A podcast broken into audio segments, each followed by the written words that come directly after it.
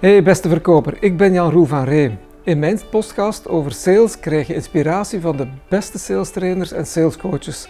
En vandaag zit ik rond de tafel met Dirk Verhoeven. Welkom Dirk. Welkom Jan Roel. Ja, Dirk is van die Sales Mentor. Inderdaad, dus, uh, inderdaad. Laten we er ineens beginnen met, uh, wel, wat is jouw connectie met sales? Wel Jan Roel, uh, ik ben eigenlijk van het begin van mijn carrière begonnen in sales. Ja. Eerst als, noemen we dat een sales rep in de farmasector. Ja. Nadien uh, marketing gedaan. Mm -hmm. En dan uiteindelijk gaan sales trainingen geven, field coaching geven, maar eigenlijk altijd in de farmasector of in de medische instrumentatiesector. Ja, oké, okay, je bent dus altijd in sales gezeten, altijd salesmensen sales ontmoet, gevolgd en zo verder. Mm -hmm. En uh, ik weet dat jou toen al een paar dingen zijn opgevallen. En een daarvan was dat salesmensen veel dienen en soms vergeten te kopen, verkopen eigenlijk. Hoe zit dat? Ja, vooral in de sector waar ik actief ben, in de farmasector, ja. mm -hmm. uh, viel me dat heel sterk op. Ja. Dat wij heel veel vertelden over onze producten, heel veel informatie gaven, mm -hmm. maar eigenlijk zelden of nooit dan aan de arts of, of aan de verpleger of aan de apotheker durfden te vragen van, ja. ja. wat vind je daar nu van? Ga je dat nu gebruiken of ga je dat nu voorschrijven? Ja. Dus dat, die laatste stap, die werd angstvallig vermeden. En wat natuurlijk wel invloed heeft op je verkoopcijfers. Oké, okay, dat is eigenlijk gewoon al heel direct to the point. Je moet eigenlijk ook om de deal vragen op een bepaald moment en testen van is die, verkoop, is die klant mee of niet mee in mijn verhaal.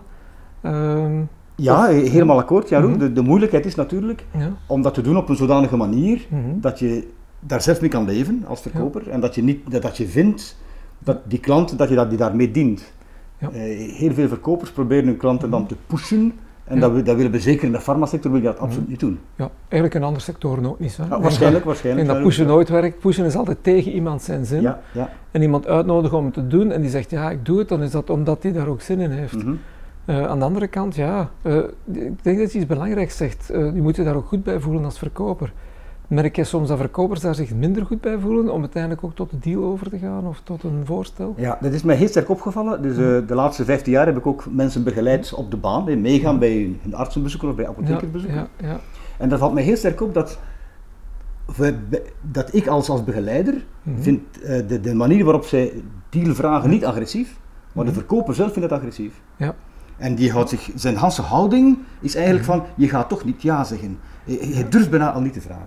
Ja. En dus die hele houding, die uitstraling is niet vanzelfsprekend dat ik Ja, nu vraag van, wat Mhm. vind je daarvan, hoe ga je dat doen? Die vanzelfsprekendheid die zit, zit niet in zijn, in zijn lijf, Mhm. waardoor hij eigenlijk bijna automatisch het, het, het nee-antwoord krijgt. Mhm. Eigenlijk wat je me nu zegt is gewoon dat mensen niet bang zijn voor de ja of de nee, maar ze zijn gewoon bang om, om het voor te stellen zelfs, om, om iets te gaan doen. Ja. Ja. Het, het wordt ook heel zelden ingeoefend op de firma's. Ja, ja, Dus ik, Ja. ik, ik- als sales trainer voel ik me dan ook wel een beetje schuldig af en toe. Omdat we heel vaak oefenen op de technische inhoud Mhm. en op het, het voorstellen van het, eh, de wetenschap ja, en van de, de kennis die we willen overdragen ja, ja. en van de impact die dat heeft op de patiënten. Maar we Mhm. oefenen heel zelden op hoe vraag je nu de deal? Hoe weet je nu zeker dat het Mhm. ook gaat gebruikt worden? Hoe doe je dat juist? Er wordt heel weinig op geoefend. En eigenlijk is dat toch wel de, een van de belangrijke dingen. Je geeft iemand een vorm van geschenk, namelijk iets wat een probleem oplost bij, Mhm. bij zijn of haar cliënt of, of Ja. patiënt. En eigenlijk zou die mensen daar toch relatief blij mee moeten zijn dat ze iets krijgen, of heel blij zelfs. En dan durf je niet te vragen van, willen jullie dat nu ook gebruiken? Ja, het is, het is heel raar. Dus, eh, het is ja. heel raar. Eh, een ander ding wat je aanhaalt, zeg, je oefent veel op informeren, heel veel wetenschappelijke Heel veel, informatie. ja. En je zegt er ook bij, een informatie die de impact heeft op de patiënt. Mhm. Eh, ik heb vroeger gemerkt, als wij een keer rond de tafel zaten, dat ze vooral die wetenschappelijke informatie goed kunnen brengen, maar over impact op patiënt, dat het daar al wat minder wordt. Of is dat veranderd ondertussen? Eh, er wordt sterk aan gewerkt, maar het is nog altijd Ja. het geval. Ja. Dat er te veel vanuit het product gedacht wordt, te weinig Mhm. naar die patiënt toe. Ja, ja, En natuurlijk, het heeft, het heeft impact ook op de ganse structuur van het gesprek. ja, ja. Dus ook die, die, die eerste deel waar het nu heel populair is, hè, dat we eerst vragen naar de noden van de klant, Mhm. dat wordt, heel, dat, dat wordt nog te weinig gedaan. Ja. Of heel snel doorgegaan, want eigenlijk weet ik wat ik moet vertellen. Hè. Wat ook uw noden zijn, ik heb het antwoord toch, dus waarom zou ik een noden vragen? Ik heb het antwoord toch. Ja, dat is eigenlijk wel straf, want een van de dingen die ik geregeld bespreek met mensen is, laat uw PowerPoint-presentatie thuis, laat uw catalogus thuis en laat uw presentatiemap thuis. En eigenlijk is dat precies waar, waar dat veel verkopers toch nog steeds mee beginnen, Ja, met te presenteren. ja, het zou heel leuk zijn moest die, Ja. die visual aid, wat we dat dan noemen, hè, Mhm. of die PowerPoint of die iPad, dat die even, eerst even weggaat, Ja. dat je eerst even naar die klant luistert en, en, en uw interesse daarin toont. En pas dan vertelt wat jij denkt dat, de, dat de klant interessant vindt. Daar ben ik het helemaal mee eens, Jaroen. Ja. Maar er wordt heel weinig op geoefend. Ja, maar is, wordt er nu weinig op geoefend omdat het bedrijf dat ook zo, niet zo belangrijk vindt? Of is dat gewoon omdat dat tussen de bazen van het net gewoon wegvalt? Uh, goeie vraag, Jaroen. Ik denk dat het alle twee een beetje is. Ja. Dat de firma vooral kijkt naar de verkoopcijfers. Mhm. En hoe ga je die drijven omdat ons product zo prachtig is? Want wij werken aan het product, dus wij willen het product presenteren. Uh, anderzijds merk ik nog altijd dat vertegenwoordigers, mhm. heel raar, die willen eigenlijk ook niet oefenen. Ja.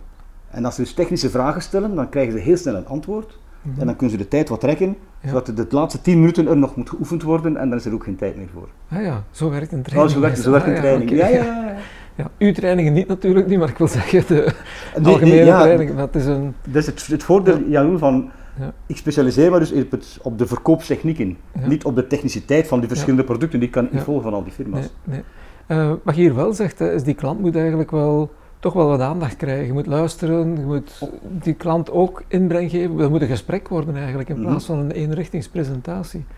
En ik merk in, in veel sectoren heeft men al leren vragen stellen naar de behoeften van de klant. Ja. Maar op het moment dat men een behoefte heeft, gaat men ermee aan de slag om een product voor te stellen en dan stopt het meestal. Ehm, ja, ja uh, we, we, hebben nog even werk, Jan Roel. Ja, ja. We kunnen nog niet op pensioen, nog, nog, nog helemaal niet. Um, nu, wat je verder zegt is ook, we gaan luisteren. Hè. De, de, eigenlijk zijn we nog in gesprek met de klant. Ja. ja uh, maar daarna komen ze toch weer met het antwoord, zegt je. En het antwoord staat dan weer in hun... En is weer het typische antwoord, wat ook uw noden zijn, geeft toch altijd hetzelfde antwoord. Ja. En dat is ook, ook daar moet je op oefenen van, hoe kan ik dat, datzelfde mhm. product toch anders inkaderen, alleen maar die dingen vertellen die voor Jan Roel belangrijk zijn. Ja. En dan andere dingen vertellen die voor Jean-Marc belangrijk zijn. Ja, dat lijkt me wel een uitdaging, want uiteindelijk, het product is het product. Hè? Ja. Uh, of het nu een, een waterpomp is, of het is een medicijn, of het is een, wat het, een kast, of het ook mogen zijn, maakt eigenlijk niet uit. Maar die kast blijft wel die kast. Hè? Je die kast blijft wel die kast. Ja. Uh, nu, waar we wel heel veel op, de firma's heel vaak op oefenen, mhm. is van wat kan je nu allemaal vertellen van die kast? Wat kan je allemaal vertellen van die waterpomp? Ja. En nadien, dan kom ik mhm. en zeg ik, vergeet dat nu allemaal, wat je er allemaal kan van vertellen. Ja. Zie nu eerst wat van die waterpomp voor die klant eventueel belangrijk is. Ja. Neem dat terug mee en vertel alleen dat van die waterpomp. Dus eigenlijk, vertel niet alles wat je weet, mhm. vertel alleen dat wat voor die klant, wat je hebt ontdekt mhm. dat belangrijk is. Ja. En vertel dan dat. Ja, goed, maar dat betekent dat je je klant moet leren kennen. En niet gewoon de nood ah, die het bedrijf heeft, want het bedrijf heeft gewoon nood aan een nieuwe kast. Of je klant heeft gewoon nood aan een nieuwe kast, maar dan gaat het weer over kast, maar je moet je klant dan leren kennen. Ja. En dat lijkt me toch niet zo eenvoudig, want uiteindelijk klanten leren kennen, dat wil zeggen dat je gesprek moet aangaan, dat je dingen moet aanvoelen. Uh, want als ik iemand vraag, wat is er belangrijk voor u, zegt hij ah, dat die kast een meter breed is, een meter hoog en 60 centimeter diep. Mm -hmm. uh, dan komt hij terug tot de, de, de behoefte rond het product. Uh, maar je zegt, oké, je moet het dus afstemmen op de klant. Mm -hmm. maar dat lijkt me niet gemakkelijk, want eh, uiteindelijk elke klant wil iets anders. En de ene wil stoeven met een mooie kast, de andere wil er iets insteken en de derde die, die wil nog iets anders met die kast. En mijn vraag is altijd, hoe train ik mensen om dat te weten te komen? En dat lijkt me niet even gemakkelijk altijd. En, eigenlijk is het ja. niet gemakkelijk en heel gemakkelijk tegelijkertijd. Ja. Eigenlijk is het heel simpel van, wat wil je eigenlijk met die kast bereiken? Wat moet die kast voor je doen? Ja. En omdat u dan kastenexpert bent, ja. weet je welke mogelijkheden er allemaal in kasten bestaan. Mhm, ja. Ik heb gewoon een kast nodig, ik heb er geen idee van. Maar u als expert kan mij daar dingen laten zien mhm. door uw vraagstelling, door een verhaal die je ook vertelt als je binnenkomt, van andere klanten, wat die met een kast allemaal hebben gedaan. Dat ik zeg van, oh, dat wist ik zelfs niet dat een kast dat kon. Dat het kon decoratief zijn, dat het zoveel andere facetten kan hebben. Hetzelfde met uw waterpomp of met uw farm. En wat ik u hoor zeggen in uw vraagstelling, hè, dat is wat moet die kast voor u doen? Wat wilt u met die kast bereiken? En er zit telkens het woord u in. Mm Namelijk, het gaat over wat die persoon eigenlijk wil. en niet voor waaraan moet een kast voldoen. Want dan zitten we terug in de techniciteit van de kast. Maar op het moment dat je u in de vraag steekt, lijkt mij zoals je het nu zegt. Heel mooi, ja. ja. Dan, dan, maakt het verschil volgens mij, omdat je het dan persoonlijk speelt naar die persoon. Ja, helemaal. Nu, een volgende stap waar we het ook over gingen hebben, dat is van ja, klanten die kopen op een bepaalde manier en ik wil verkopen op een bepaalde manier. En daar zitten verschillen tussen. um, Soms is de vraag gewoon wie wint. Wordt het mijn proces of wordt het uw proces? Wordt het uw aankoopproces of mijn verkoopproces? Hoe zit dat voor u? Uh, er is voor mij maar één proces, Jan. Ja. Mhm. En dat is het aankoopproces van mijn klant. Mm Van hoe koopt een klant? Ja. Uh, en mm ja. het begint altijd met een nood van de klant. Mhm. Uh, die noot, die, de, de, klant kan die noot al kennen. Of ik kan door mijn intro, door mijn eerste kennismakingswoord, door mijn informatie, beetje dat ik geef van mijn product, mhm. Die noot ook creëren. Ja. Ik denk altijd uh, aan mijn vrouw. Hè. Ja, mhm. Hopelijk, als hij die podcast nu ziet, heb ik natuurlijk een groot probleem. Ja, oké. Maar die, die, heeft al heel veel handtassen. Ja. Mhm. Die heeft al heel veel handtassen. Ja. En toch, als ze naar de winkel gaat, komt ze soms met toch een nieuwe handtas terug. Hoe kan dat nu? Heeft zij nood aan een handtas? Ja. helemaal niet. Helemaal niet. Maar ze heeft die mooie handtas die staan in de winkel. Ja. En alleen dat het ziet staan, alleen de eerste woorden die u vertelt over de kast, mhm. de eerste zinnetjes die u vertelt om uw waterpompen te introduceren, ja. doen mij zoveel zin krijgen in, goh, eigenlijk heb ik misschien wel een nieuwe waterpomp nodig. Ja. Maar dat je daar dus enthousiasme kan creëren, en daar gaat het mhm. Ja, dus wat jij eigenlijk zegt is van, zelfs als iemand het niet echt nodig heeft, bij wijze van spreken, krijg je het waarschijnlijk nog verkocht. Tuurlijk. Gewoon omdat het aantrekkelijk is om het te doen. Ook dat kan een reden zijn. Iemand die al twee printers heeft, kun je nog altijd aantrekkelijk maken dat hij een derde erbij koopt. Zoiets. You never know. Ja. Oké, goed, maar dat betekent dat je het ergens op een bepaalde manier psychologisch aantrekkelijk moet maken. Want er zijn mhm. natuurlijk ook nog mensen die kopen gewoon handtassen omdat ze koopverslaafd zijn. Dat is er misschien ook nog wel bij. Dus, uh, dat is natuurlijk nog gemakkelijker. Heb ik ook aan nood voldaan, hè? Ja, de vraag is dan wat is de nood, hè? Uh, is dat een psychologische nood naar meer aandacht die, ze, die hij of zij thuis niet krijgt? Uh, dan zou je eigenlijk een ander product moeten verkopen. Enfin, is wat. Um, nee, goed, maar de, het is waar, de klant staat centraal, maar stel nu dat die klant iets wil aankopen waarvan je weet, je doet geen goede aankoop. Gaat je dan nog steeds de klant zijn verkoopproces volgen of moet je dan toch iets anders doen? Uh, Je moet, in mijn ogen, per definitie de klant zijn verkoopproces volgen. Ja. Je, je kan die wel een beetje helpen daarin. Mm ik wil leren zwemmen. Ja. En ik ben dan naar het zwembad geweest en ik sta klaar om te, te, springen, maar ik durf niet, want ik, ik, ken, ik, ken, ik weet niet wat water gaat doen. Dan mag ik als verkoper wel dat klein duwtje geven, dat ik toch en zal ik nadien dankbaar zijn dat je mij geholpen hebt om toch de mhm. beslissing te nemen. Dus als verkoper moet je het verkoopproces volgen. Mhm. Ik mag niet zomaar iemand van straat plukken in het zwembad gooien, dat mag ik niet doen. Maar als die klaar is om te springen en die wil springen mhm. en die vraagt mij, geef me alsjeblieft een duwtje, dan mag ik als verkoper toch een duwtje geven. Tuurlijk, ja, maar ik vind dat perfect een mooie metafoor. Eh, laten we die metafoor nog wat uitbreiden. Stel dat die klant niet durft te springen, omdat hij niet kan zwemmen, dan kun je als verkoper hem eerst een zwembad ronddoen en hem dan een klein duwtje geven. Ja, Zoiets. maar altijd met akkoord van de klant natuurlijk. Ja, als klant ik, dus ik, moet het verkoopproces van de klant volgen, ja, maar ik moet eigenlijk een, een klein beetje vooruitlopen. Ja. Uh, ik kan pas beginnen closen als de mhm. klant klaar is om te closen en dan een klein duwtje geven. Dus telkens net iets voorlopen en een klein duwtje geven dat de klant mee zijn verkoopproces volgt. Dat begint met, heb ik het eigenlijk wel nodig? Tuurlijk. En ben ik enthousiast? En kan ik het wel? Ja. Ben ik wel de beslisser of niet? Ja. Of bij wijze van spreken, ga zelf wel in het zwembad opwachten voor als er iets gebeurt, zodat het gemakkelijk maakt om te springen. Ja. Maar er moet ergens gesprongen worden. Maar er moet ergens gesprongen worden, dus je moet ergens durven, dan gaan we terug bij het begin van het gesprek. je moet ergens durven vragen van, ga je er niet voor? En wat moet er nog gebeuren voor jou om ervoor te gaan? Ja. Die, die essentiële vraag moet je durven stellen. Ja, dat is wel natuurlijk die belangrijke vraag. Hè. Was er voor u nog nodig om ervoor te gaan? En in plaats van waarom ga je er nog niet voor? Ja, dat is helemaal anders. Ja, en je zegt waarom ga je er niet voor, krijg je alle weerstand waarom die er niet voor gaat. Ja. En wij zeggen dan traditioneel, dan krijg je redenen waarom ze niet springen, excuses waarom ze niet springen en leugens waarom ze niet springen. Inderdaad. En daar kun je niks mee aanvangen, want je kunt ze niet meer onderscheiden. Wat zijn de redenen, de leugens, wat zijn de excuses? Tot in, uh, in, in, potnat. Ja, en als je vraagt, waar, wat heb je nodig om te kunnen springen? Of wat is er nodig om ervoor te kunnen gaan? Voilà. Voor die kast of die pomp. Dan gaan mensen zeggen wat er nog nodig is en dan kun je dat ook invullen. Mm -hmm. En dat is een veel gemak, dat lijkt me... Is helemaal akkoord, ja. Je moet alleen die manier vinden die bij jou dan past, die jij er kan uitkrijgen. Ja. Dus uh, wij geven als trainers een paar guidelines. Ja. En dan moet dat telkens uh, verdirkt of voor Jan Roel te worden, zodat dat, mm -hmm. ja, dat, je, dat uit zichzelf klinkt. Ja. Maar dat is natuurlijk wel gemakkelijk, want Dirk en Jan Roel weten al, afsluiten is leuk en we kunnen er iets mee gaan doen. Mm -hmm. Maar zoals je er juist terecht zegt, er zijn mensen die echt uh, stijf van de schrik worden ja, als ze richting afsluitfase van een klant zeggen, oei, het wordt tijd om te gaan afsluiten. En ik zie dat die klant eigenlijk wel wil kopen, maar ik ben niet zeker en het zit niet in mij.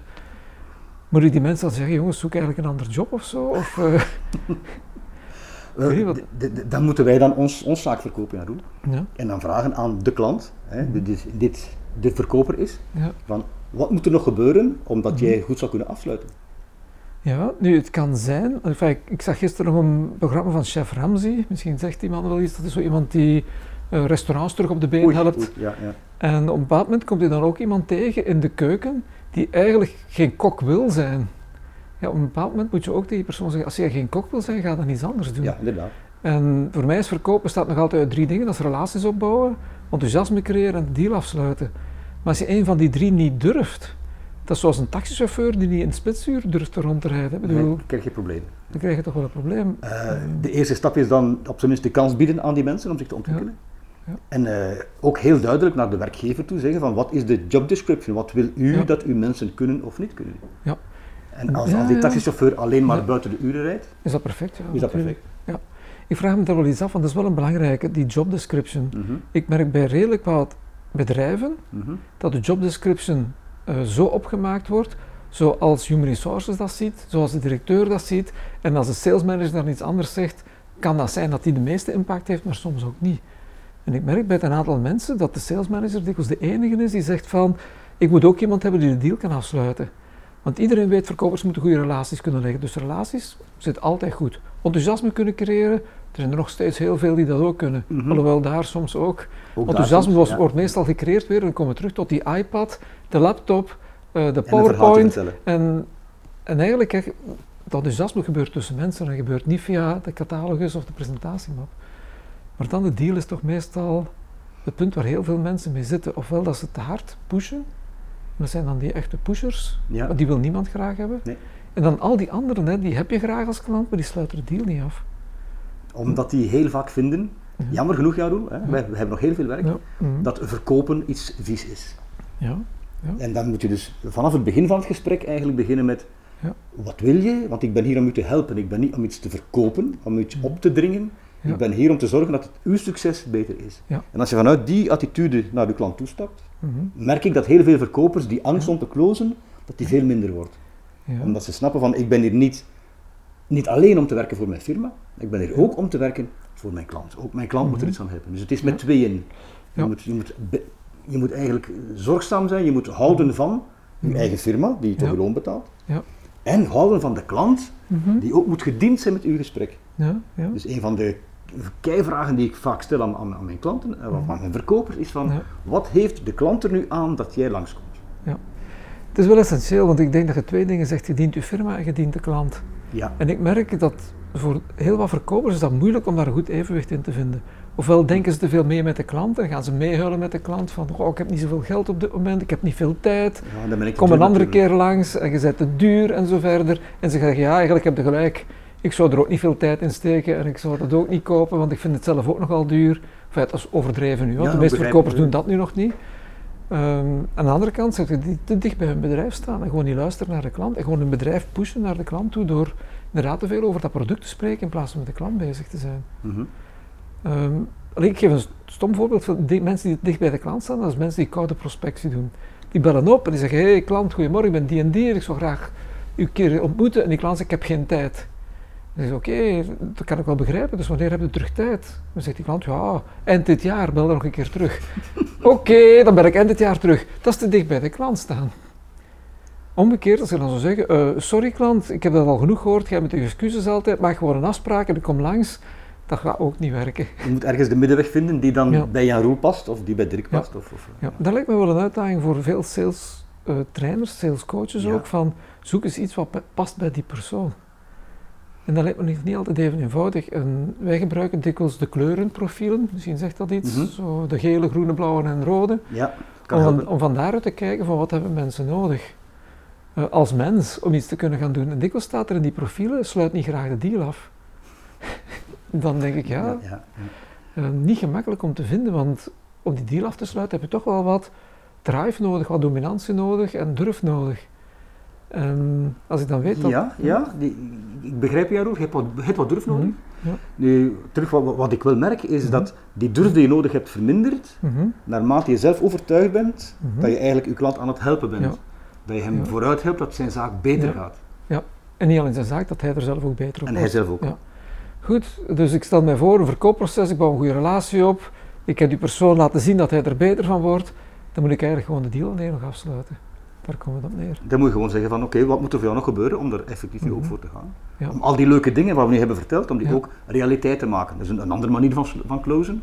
Van hoe gaan we nu al die leuke dingen, en je zegt ah, dat is fantastisch, dat is leuk, hoe gaan we het nu realiteit maken? Ja, dus eigenlijk zeg je gewoon, niet gewoon de klant dienen met interessante oplossingen te vinden en producten te vinden die iets doen voor hem, maar ook op het moment dat dat er is, dat je gewoon de deal afsluit. Dan gewoon de deal afsluit. Ja. Ja, en daar een manier op vinden die voor u handig is. Er zijn verschillende manieren waar we dan les in geven, allebei natuurlijk. Ja. Van, dat zijn voorbeelden, welke passen nu best bij jou? Wat moet er mhm. gebeuren omdat jij die als verkoper nu zou, zou gaan implementeren? Ja. ja, en daar merk ik, maar dat is ook het laatste wat ik daar nog over zeg, is mhm. verkopers kunnen dat op een bepaald moment in de training.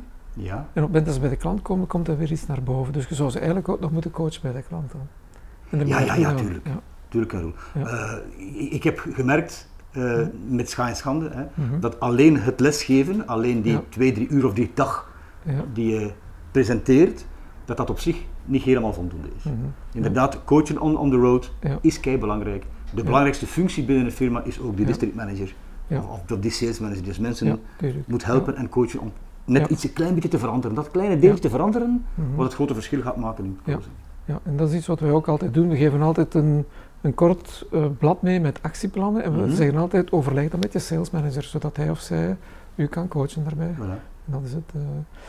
Dirk, onze tijd zit er alweer op. Oh, dus uh, ik wil u ongelooflijk hartelijk bedanken, Dirk, om te komen. Dat was heel interessant. En beste verkopers, tot de volgende aflevering.